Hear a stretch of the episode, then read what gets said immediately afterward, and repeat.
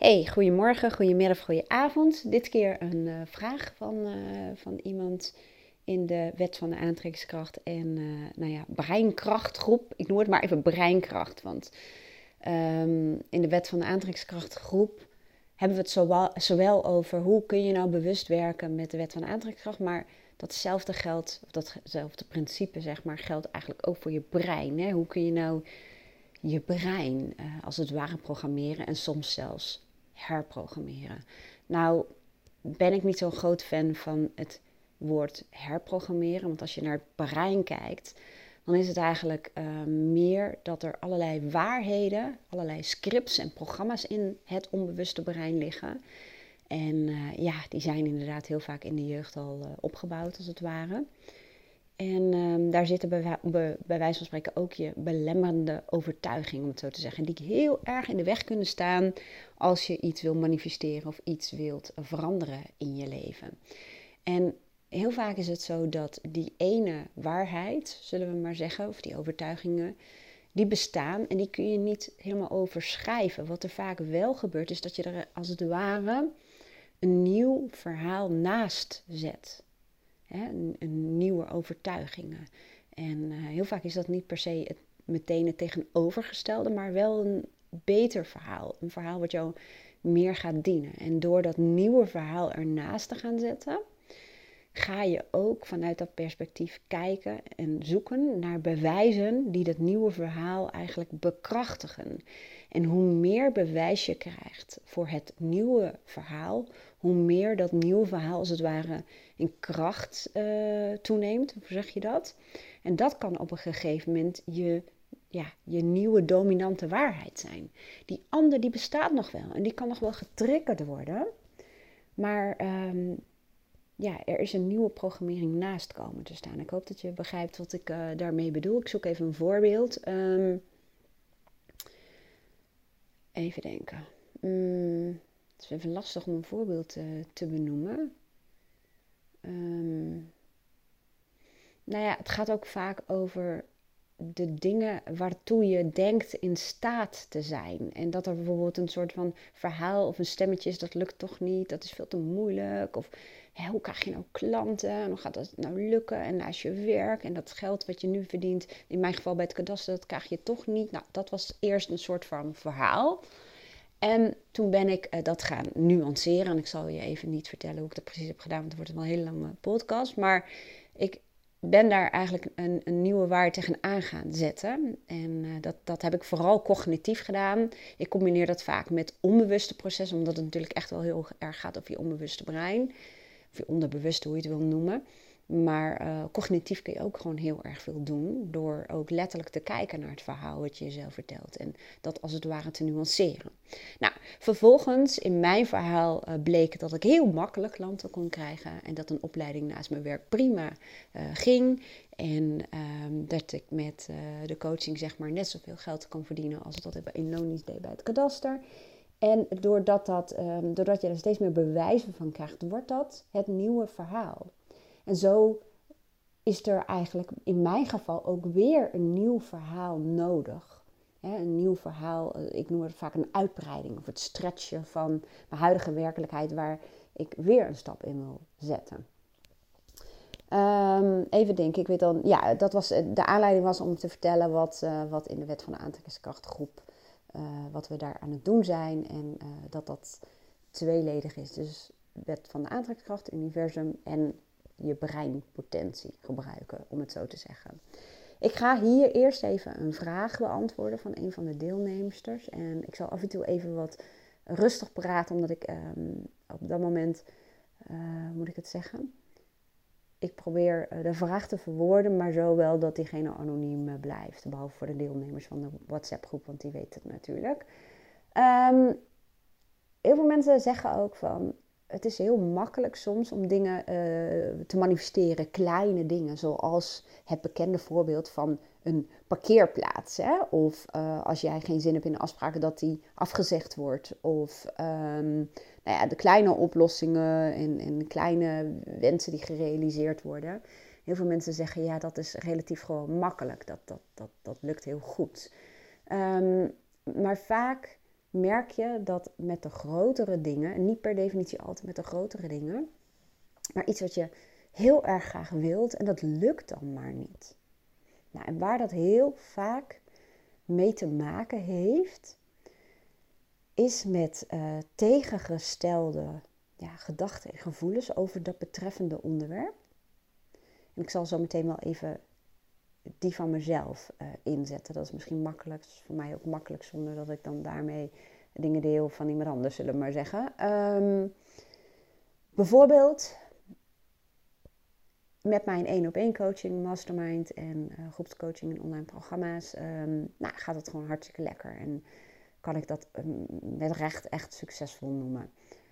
En ik heb ook ergens een verlangen om uh, met minder vaste uren, hè, dat zit dan vooral op de één op één coaching, uh, en meer kennis te delen, dus wat ik nu met de podcast doe, om daar ook een inkomen mee te krijgen.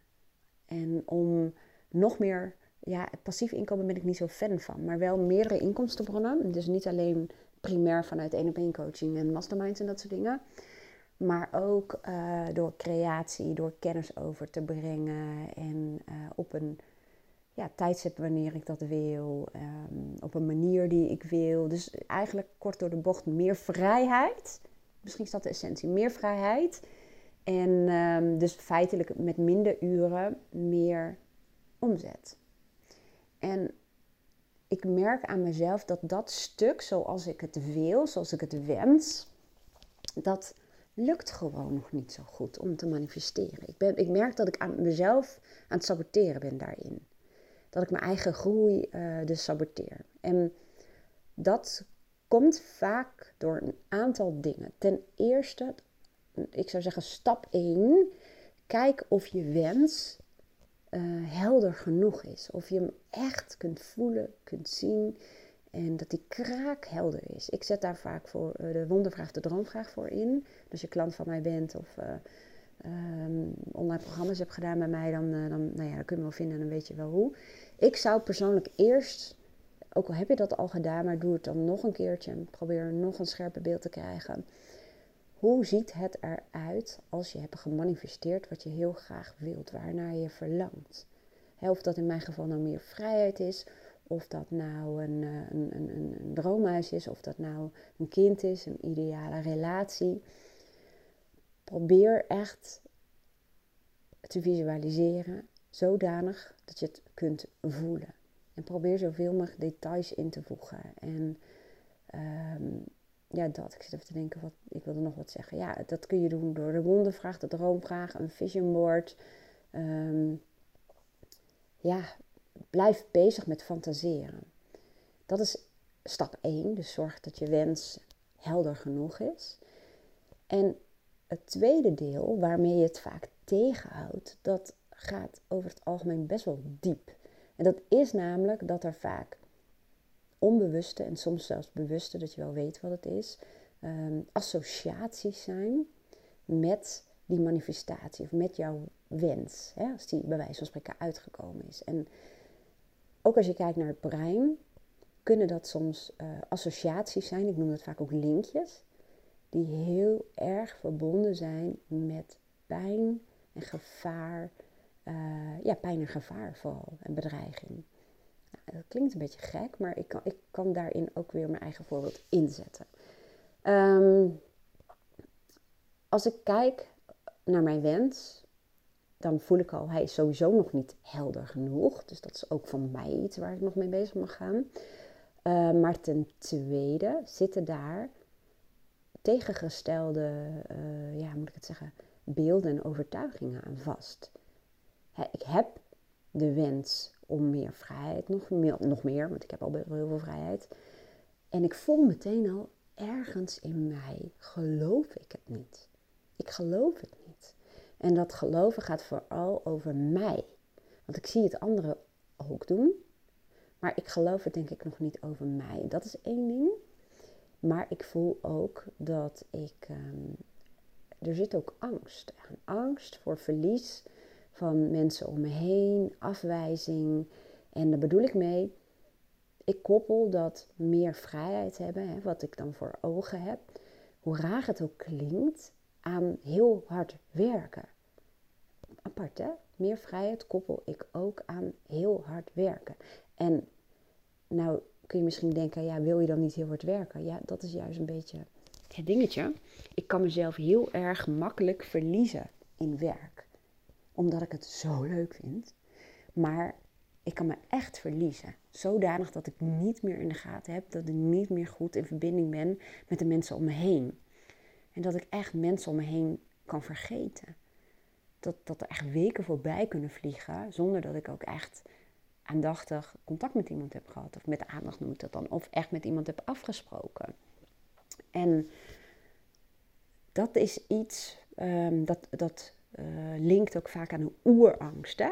Om afgewezen te worden, alleen te komen staan, verlaten te worden. Maar ook bijvoorbeeld dat, uh, ja, dat, dat, dat, dat, dat het niet meer mogelijk is om contact te hebben met mensen. En dat je daarover heel veel spijt en schuldgevoelens krijgt. Dat soort dingen ligt vaak ten grondslag aan uh, nou ja, het, het niet kunnen manifesteren. Dus het is ook zaak, ik doe dat vaak op twee fronten. Ik doe dat cognitief, door um, echt te gaan kijken naar wat voor verhaal vertel ik mezelf? Wat, wat, wat zijn die tegenstrijdige gevoelens en gedachten? Wat zijn, wat zijn dat voor gedachten? En dan ga ik er eigenlijk heel rationeel, logisch naar kijken. En ik ga die uh, over die gedachten en die gevoelens zeg maar nuanceren. Dus ik, ik ga ze eigenlijk, ik noem dat vaak kraken. Waarbij er al meer ruimte komt. Hè? En wat ik daarbij ook vaak doe, ik kijk echt naar rolmodellen die uh, hebben wat ik wil. Niet per se alles, maar gewoon die bijvoorbeeld die vrijheid hebben. En ondertussen ook gewoon uh, ja, de omzet hebben of, of, of, de hoeveelheid geld waardoor ze het leven kunnen leiden wat ze willen leiden. Want heel eerlijk, geld stelt je daartoe in staat. En, en ik voel dat ik het verlangen heb om wel dezelfde omzet of meer zelfs te hebben. Om, ja, omdat geld ook een betekenis heeft. Hè?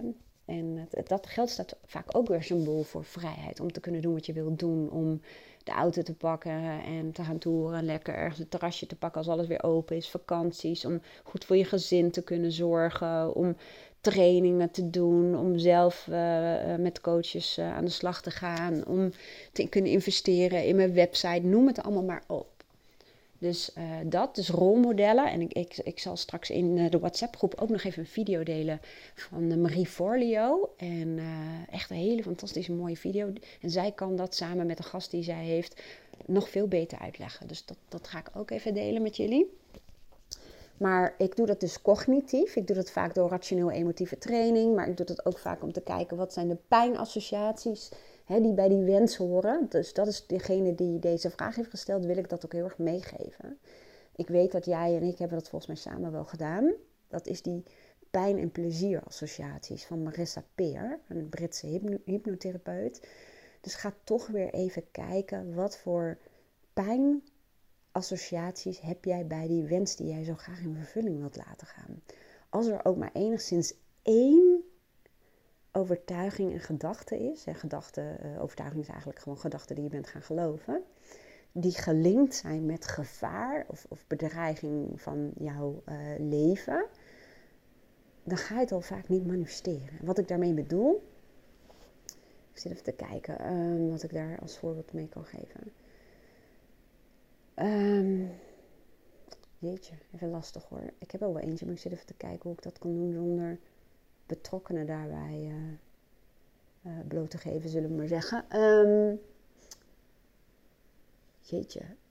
Nou, het gaat om stel dat jij heel graag naar het buitenland wilt rijden, een soort roadtrip. En je ziet het al helemaal voor, je kunt het helemaal voelen en je voelt de opwinding en la la la la. Maar je komt erachter dat er één pijnassociatie is. En die gaat over het gevaar van het autorijden. En ook al ga je daar tegen zeggen, ah, de kans is klein, ik doe voorzichtig en ik neem genoeg pauzes en ik overnacht uh, s'nachts. Dat, dat is allemaal rationeel, hè? dus dat is puur dat cognitieve. Maar als er een linkje is diep in jou, ergens verstopt zit soms een beeld en verschillende beelden over uh, gevaarlijke, potentieel dodelijke situaties als jij die roadtrip gaat maken.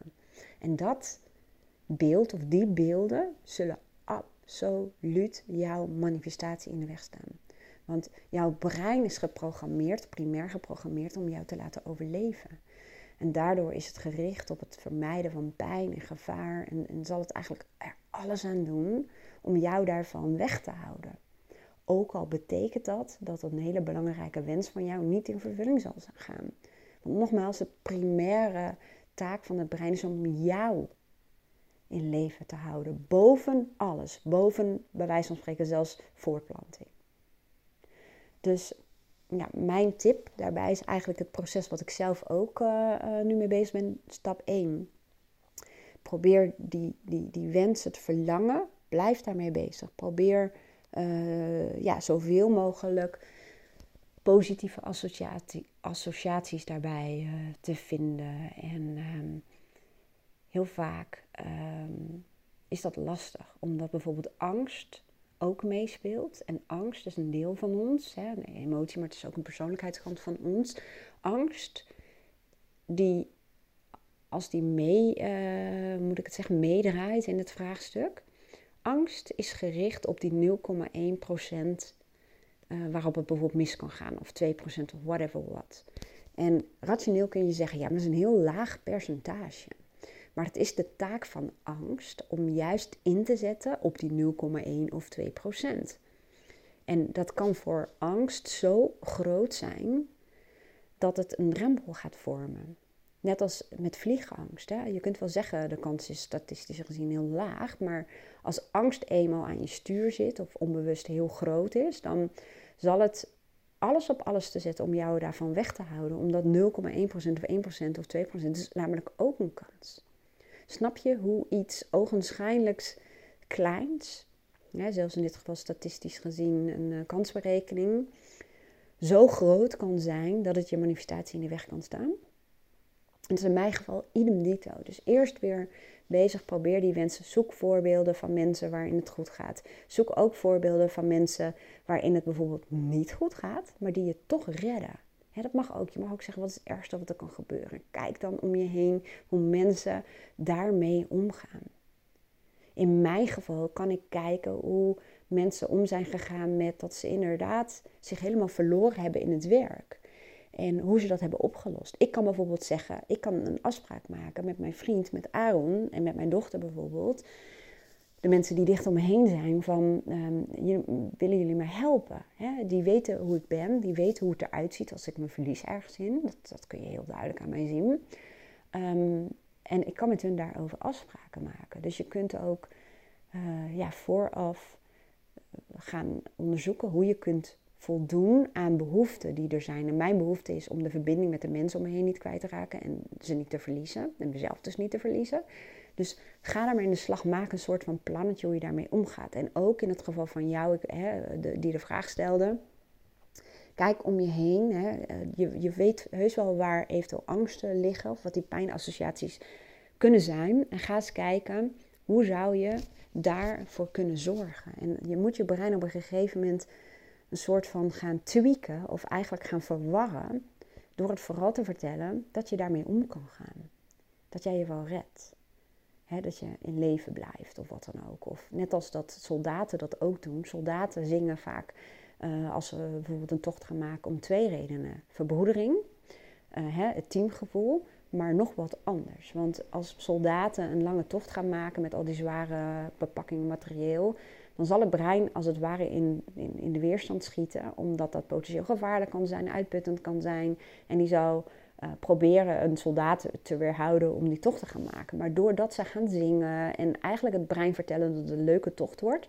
Want zingen en iets zwaars, die twee horen niet bij elkaar, verwar je je brein. En zul je de drempel en de weerstand verlagen. En dat is ook iets wat uh, voor jou eventueel een taak kan zijn en voor mij net zo goed.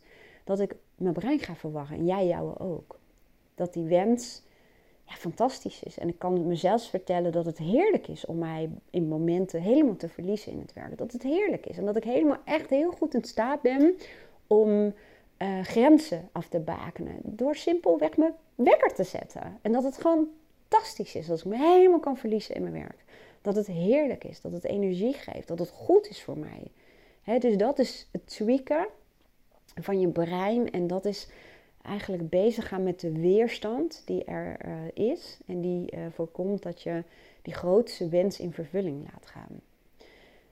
Ik hoop dat je hier wat mee kan. En ik realiseer me dat het helemaal niet allemaal zo heel erg makkelijk is als dat het lijkt.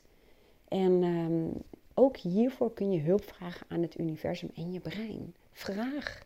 en het wordt gegeven. Zelfs een vraag hierbij hulp. Vraag hulp om uh, de weerstand weg te nemen. Vraag hulp om voor aan hoe zeg je dat, voor behoeften te zorgen die er zijn. Vraag hulp om ehm, vertrouwen uh, er naast je angst te zetten.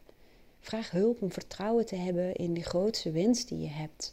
Om daar um, ja, met, met vol vertrouwen naar te kunnen kijken. Om het vertrouwen in jezelf te hebben. In een goede afloop. In een goed proces. In um, je eigen capaciteiten. Om, om dingen te herkennen. En om te weten wanneer je moet handelen. Vraag ook. Vraag het. Stel open vragen. Je brein gaat ermee aan de slag. Het universum in mijn beleving gaat er ook mee aan de slag. En dit is het proces dit is ook, eh, hè, het, het, het, is ook een proces om mee aan de slag te gaan. Ja, nou dat was het eigenlijk. Dus ik hoop dat je hier wat aan hebt. Ik zet het ook weer even in de Free School uh, onder Q&A. Dan kun je het altijd uh, terugkijken en luisteren. En um, in de groepsapp kun je gewoon laten weten of je hier iets aan had. Of dat ik nog even wat meer toelichting moet geven. En überhaupt hoe dit overkomt en of je er iets aan hebt. Oké, doei doei.